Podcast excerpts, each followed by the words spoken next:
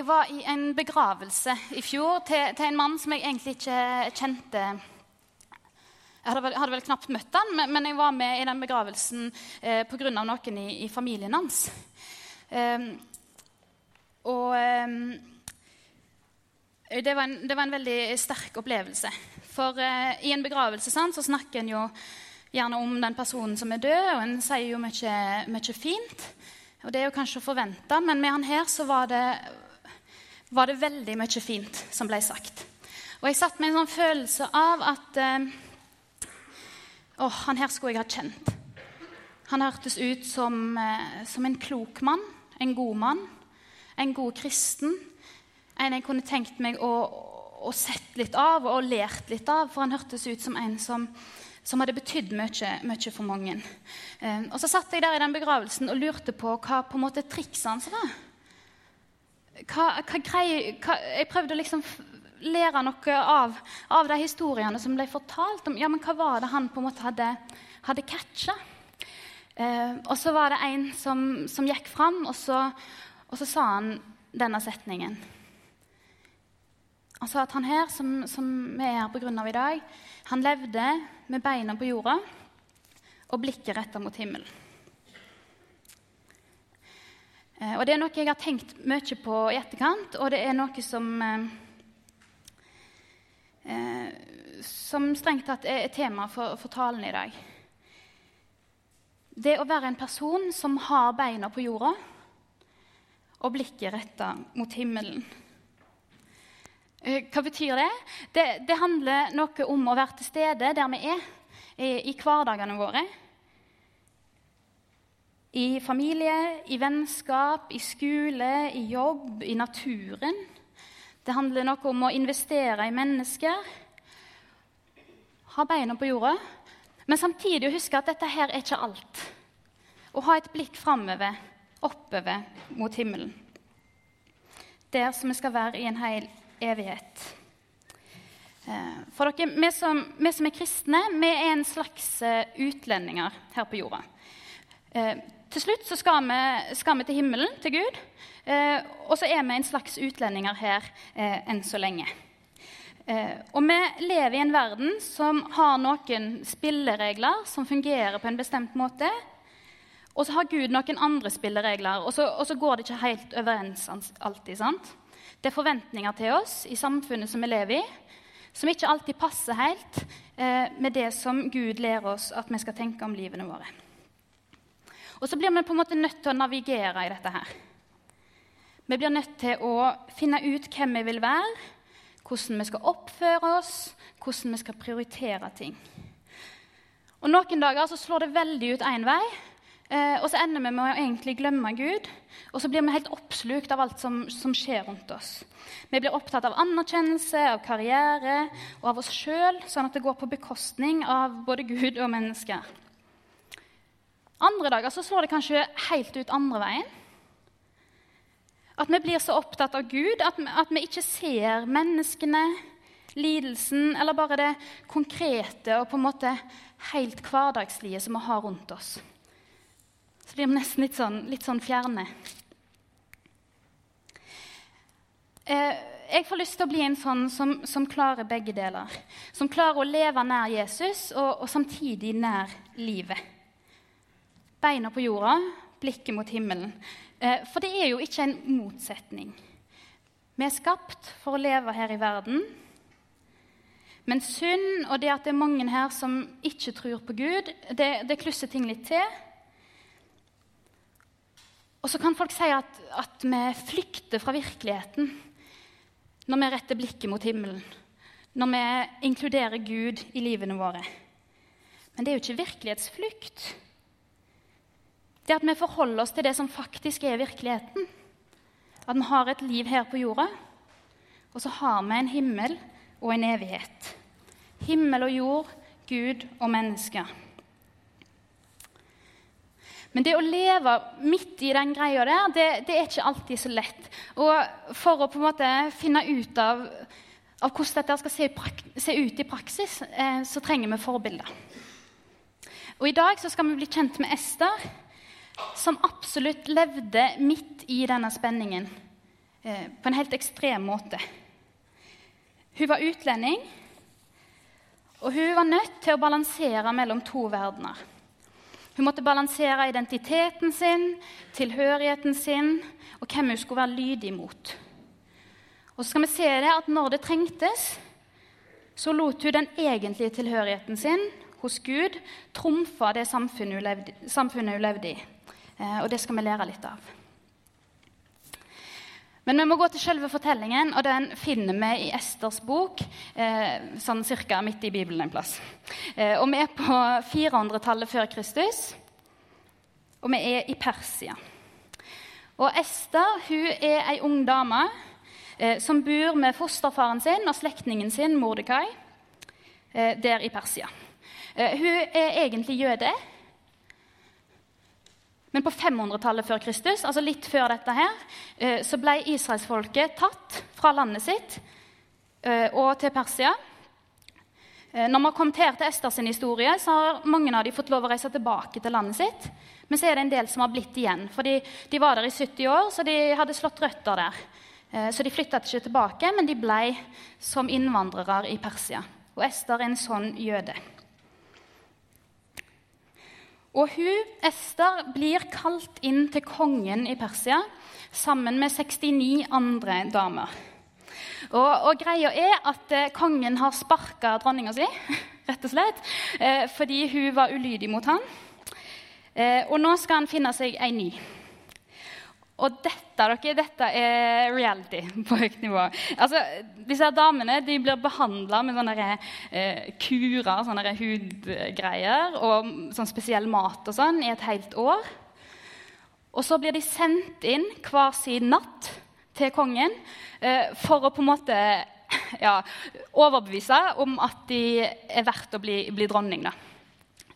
Eh, så han eh, tester 70 damer, eh, og så eh, tar han et valg om hvem som skal bli dronning. Og da velger han Ester. Ester hun får flytte inn på Slottet. Eh, og Noe av det aller første som skjer etter hun har flytta inn, er at hun finner ut om et attentat mot kongen. Eh, og Så gir hun beskjed til han, og så får hun avverga det attentatet. Eh, og Så går det litt tid, eh, men så er det ny eh, dramatikk på Slottet. Haman, han der, eh, en med hoffet til kongen, han blir provosert av jødene, av alle jødeinnvandrerne som tror på Gud, og har lyst til å få de utrydda.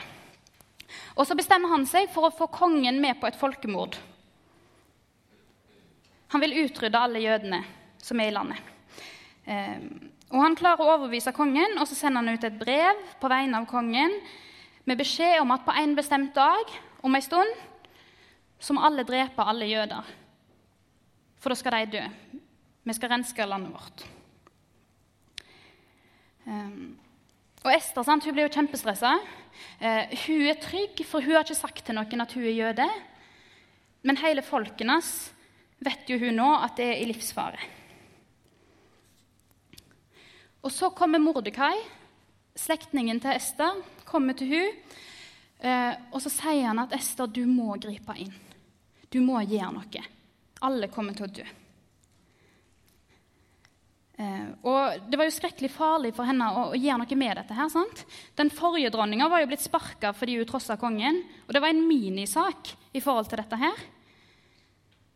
Men så sier Mordekai at Ester, du må gå til kongen og så må du si at du kan ikke gjøre dette. Du kan ikke drepe alle disse jødene. Eh, og så må du bare ta den risikoen, det at du avslører at du sjøl òg er jøde. Og vi leser det fra Ester 4, vers 11. Eh, og dette er det Ester som, som sier. Alle kongens tjenere og folket i kongens provinser vet at om noen, mann eller kvinne, går inn til kongen i den indre slottsgården uten å være innkalt, så er det bare én lov som gjelder døden. Bare den som kongen retter gullsepteret sitt mot, får leve. Og selv har jeg ikke blitt kalt inn til kongen på 30 dager. Og Så får Mordekai høre hva Ester har sagt, og så er Mordekai sitt svar Tro bare ikke at du, som den eneste av jødene, skal berge livet fordi du er i kongens slott. For om du tier i denne tiden, vil hjelp og redning komme til jødene fra et annet sted, mens du og ditt fars hus vil gå til grunne. Og hvem vet om det ikke er for en tid som denne at du har fått dronningrang? Og Ester hun, hun blir overbevist, eh, og så svarer hun sånn som dette. Gå og kall sammen alle jøder som befinner seg i Susa, og hold faste for min skyld. Dere skal ikke spise eller drikke på tre dager, verken om natten eller om dagen. Jeg og tjenestejentene mine vil også faste på samme måte. Så skal jeg gå til kongen, selv om det ikke er etter loven. Skal jeg gå til grunne, så går jeg til grunne. Så Ester går inn til kongen, og dere får gå hjem og lese det sjøl. Eh, Ester er lur eh, og får til en plan eh, som ender med at eh, Mordekai, slektningen hennes, får mye ære, mens Haman, han som ville drepe jødene, han blir avslørt, og så blir han hengt eh, på den plassen som han sjøl hadde gjort klart for at jøder skulle bli hengt i. Så får Ester kongen til å trekke tilbake denne beskjeden om å drepe alle jødene. Eh, og så på slutten så ender historien rimelig sånn dramatisk med at jødene hevner seg tilbake eh, ganske voldelig. Det er historien om Esta. Så er det, ikke, det er ikke alltid denne historien jeg vil eh, løfte fram som et eksempel til etterfølgelse. Eh, men jeg vil at vi her i dag skal lære noe av Esters rolle i det som skjedde. Som jeg sa, så var hun utlending. Hun hadde tilhørighet og ansvar overfor andre enn kongen. Hun svarte til Gud og til folket sitt. Og Gud er faktisk ikke nevnt i Esters bok. Det er fun fact. Det er bare Ester og høysangen i Bibelen som ikke nevner ordet Gud. Eh, men, men Gud er der jo. Det er jo ikke at Gud ikke er med i fortellingen, selv om han ikke blir nevnt. Gud er den som har gjort Ester til den hun er. Han har gitt henne identitet, og det er han hun står ansvarlig overfor. Gud blir ikke nevnt, men han er ikke mindre relevant for det. Eh, og det er vel noe vi kan kjenne oss igjen i, er det ikke det? Er ikke vi ofte i sammenhenger der verken vi eller de vi er i lag med, nevner Gud? Men vi vet jo sjøl at Gud har stor betydning for de valgene vi tar. Når en er kristen, så påvirker Gud valgene vi tar, og måten vi lever. Vi vet hvem vi tror på. Vi ønsker gjerne å etterligne og lye Han. Og derfor er vi de vi er. I klassen, på jobben, i politikken, i borettslaget, i familieselskapet, så er vi de vi er, bl.a. fordi vi tror på Gud. Vi lever i et samfunn der Gud er veldig lite relevant. Eller mange påstår det iallfall. Eh, tru er en privatsak. Vi blir bedt om å ta oss sammen å være nøytrale. Legge igjen trua vår hjemme. Og Av og til så tilpasser vi oss ganske mye, andre ganger ikke like mye. Men hele veien så er vi allikevel definert av det at vi er kristne. Vi kan ikke legge igjen trua vår, identiteten vår og verdiene våre hjemme. Det, ikke, det, det, er ikke sånn det er å være kristen, at du bare kan legge det vekk litt. Det er en del av oss. Og Av og til blir det merke, merker folk det tydelig, av og til ikke, kanskje, men det betyr noe for oss. Og Vi er kristne hele døgnet, hele veka, og Gud, Gud han betyr noe. Så blir jo spørsmålet i dag da kanskje hva kan Ester lære oss om det å leve i en verden som handler om alt annet enn Gud? For nå har vi hørt Ester sin historie, og så har jeg sagt noe om at det er kanskje litt likt for oss. At vi òg er en slags utlendinger. Eh, og så nevnes ikke alltid Gud, men Gud betyr noe for oss. Og hva kan vi da lære av det som, som Ester gjorde? For det første så kan vi lære, eller se at Ester hun visste hva som var viktigst. Hun visste hva som var aller, aller viktigst. Eh, jeg har sagt en del om den der spenningen som, som Ester levde i, som vi lever i. Spenningen mellom lydighet overfor alt det som er rundt oss, og lydighet overfor Gud. Og Noen ganger så passer de tingene godt sammen, og da er det jo ikke noe pes. Men andre ganger så blir vi nødt til å ta valg. Vi er kanskje nødt til å ta valg som Hvis vi velger Guds måte, så blir vi synlige eller rare, og det, det følger med en risiko. Og det Ester skjønte, var jo at når det kommer til sånne valg, da skal lydigheten til Gud trumfe. Peter han sier det samme i apostelgjerningene 5. Når han blir arrestert for å forkynne om Jesus, så sier han en skal lye Gud mer enn mennesker. Hvis valget er å høre på mennesker eller høre på Gud, så er det viktigste å høre på Gud. Og for, I Ester sin historie så er det jo et så drastisk valg som at du sier ja, jeg går til kongen, for dette tror jeg Gud vil. Og hvis jeg går til grunne, så går jeg til grunne men jeg vil gjøre det som Gud vil. Det er viktigere for oss at vi lever nærme Jesus, at vi kommer til himmelen, og at vi får med oss flere dit, enn noen ting som helst annet. Og det krever at vi tar bevisste valg. For i praksis, i hverdagen, så er det mange andre ting som er veldig viktig. Og så er det ikke det at, at de andre tingene ikke er viktige. Vi er jo ikke bedt om å flykte fra alt. Vi lever midt i veldig mye som er viktig, men så skal vi huske hva som er aller viktigst. Hva som skal trumfe.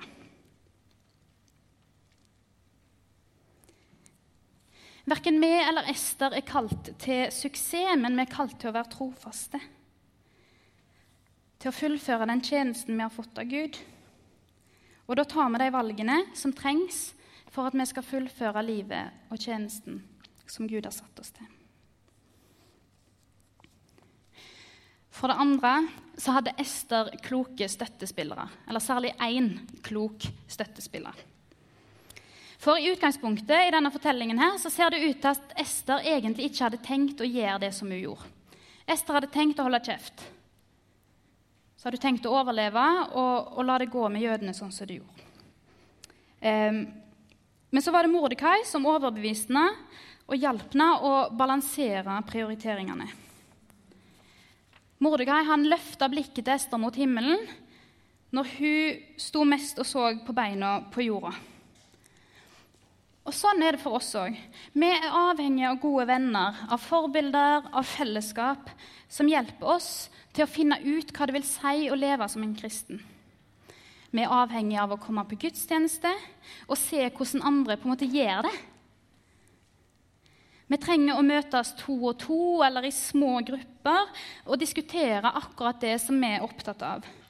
Eh, hvem vi skal date, hvor mye vi skal investere i skolearbeid, hva vi skal bruke pengene våre på, hva for noen ting vi skal engasjere oss i, hvor vi skal bo, hva vi skal si i forskjellige situasjoner. Vi trenger å snakke med hverandre om disse tingene, få hjelp til det og finne ut av det. For det er ikke så alltid så lett å finne ut sjøl eh, hva som er rett å gjøre. Eh, og jeg tror fellesskapet her i misjonssalen er med på å gi oss noe av dette. Jeg tror vi får hjelp til det her. Og så I tillegg så unner jeg alle oss å ha en Mordekai. Eh, det kan være en venn eller en forelder eller en medvandrer eller en kollega eller en et eller annet eh, som kan følge oss og så flytte blikket vårt opp mot himmelen når vi står mest og ser på beina våre. Og når vi kanskje ikke vet helt hva vi skal, og har mista tråden litt. For det tredje så utnytta Ester mulighetene som verden ga henne. Vi leste noe fantastisk som, som Ester fikk høre. Mordekai sa, 'Og hvem vet om det ikke er for ei tid som denne du har fått dronningrang?' Det han egentlig sier der, er at Gud han kjenner hele livet til Ester.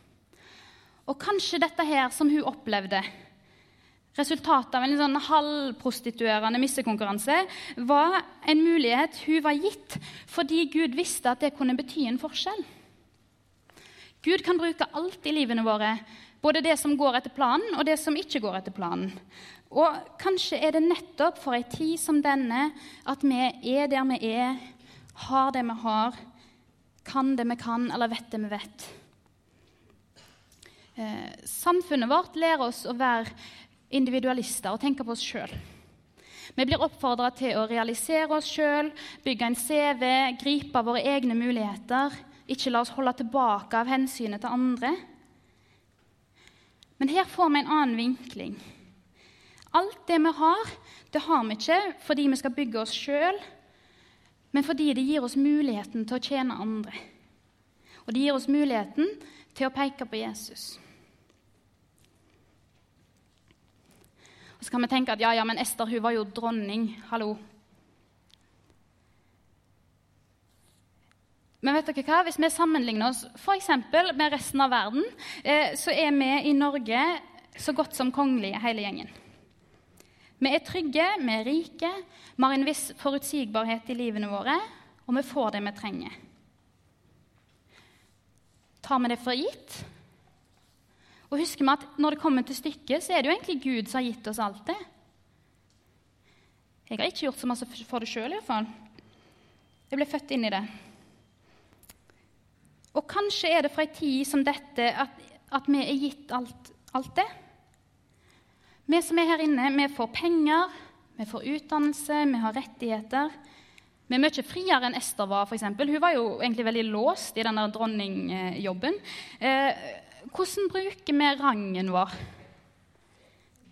Og er det noe i tida vår, enten politisk, sosialt eller i verdenssammenheng, eller på arbeidsplassen din eller i familien din, som trenger at du bruker din rang og, og det du har fått? Og hva med det at vi har fått evangeliet? At vi har hørt om Jesus og blir grundig lært opp i det, mens andre aldri har hørt det. Er ikke vi gitt en rang der, en mulighet? Hvordan bruker vi den gaven? Kanskje er det for ei tid som denne at vi har fått det. Vet dere, vi, vi tar oss litt tid nå. Og så kan alle de som vil, stille seg sjøl og Gud akkurat dette spørsmålet. Hvorfor er jeg der jeg er? Hvorfor er jeg gitt de mulighetene jeg har? Hvorfor er jeg i den situasjonen jeg er? Og hva vil du med livet mitt nå, Gud?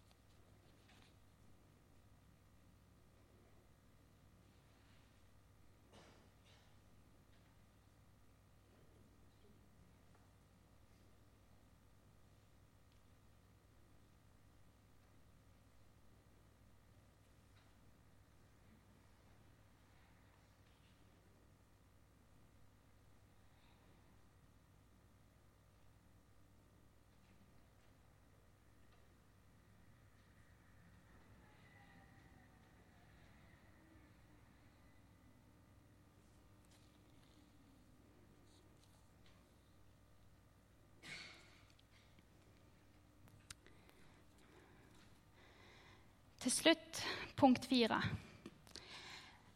Ester stolte på Gud selv om han ikke var synlig. Hele historien om Ester viser at hun prioriterte identiteten sin som jøde, som Guds folk, foran alt det andre. Men som jeg sa, vi hører ingenting om Gud i fortellingen.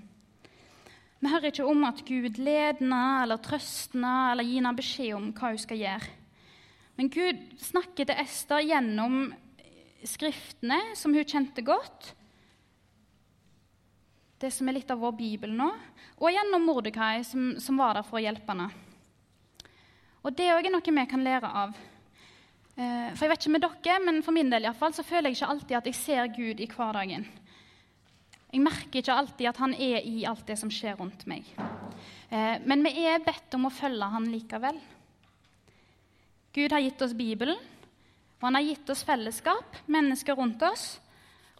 Og vi har en ekstra ting, Den hellige ånd, som lever i oss, som veileder oss og er mer aktiv i oss enn vi kanskje aner. Så Gud er der, og det funker å stole på Gud. Han leverer. Vi kan leve i lydighet, vi kan følge Han, fordi vi vet at Han er sann, og at Han holder det Han lover. Når vi svikter, så er Gud fortsatt trofast. Og andre som ser livene våre, vil se spor av Gud, til og med når han ikke blir nevnt. Akkurat sånn at vi kan se spor av Gud i Ester sin fortelling, så kan andre se spor av Gud i våre liv når vi følger han. Og Ester hun tok en kjemperisiko. Hun satsa livet. Og husk, Det er ikke bare en fin barnefortelling. dette her. Det er snakk om folkemord og drap. En konge, en diktator, som kunne gjøre akkurat hva han ville. Og så Ester midt oppi dette her, som risikerer absolutt alt. Hun skjønte at det var masse som sto på spill. Hun ba folk om å faste for seg. Men så visste hun òg at hvis dette gikk skeis, så betydde ikke det at hun hadde tapt. Hun visste hvor hun hørte til, og hun visste at den som tar en risiko for Gud, den blir ikke til skamme. Hun visste hvem som ville ta imot henne hvis dette her ble et mageplask. Eh, og det gjorde at hun turte å ta den risikoen som trengtes. Det står sånn som dette i Romerbrevet 8 at er Gud for oss, hvem er da imot oss? Hvis vi er på Guds lag, da kan de som er imot oss, bare gå og legge seg for vi har Gud på laget. Og Litt senere i Romerbrevet 8 så står det i alt dette vinner vi mer enn seier ved Ham som elsket oss. Vi vinner mer enn seier når vi går med Gud. Og Gud er for oss, og da kan vi gripe mulighetene i hverdagen vår, og vi kan følge Jesus. Herre, Takk for at du har gitt oss en bibel full av mennesker som, som lærer oss om det å følge deg. Eh, og så fikk ikke de alt til, og ting var ikke prikkfritt der, og det er det ikke for oss heller. Men vi lærer noe om å være et menneske som, som forholder seg til deg. Hjelp oss til å lære og bli utfordra og inspirert av Ester. Jeg ber om at vi må høre den utfordringen og så ber jeg om at vi må være trygge hos deg og vite hva vi har hos deg. Og lære å stole på det at du tar imot oss, både de dagene det går perfekt, og de dagene alt klusser seg til. I ditt navn. Amen.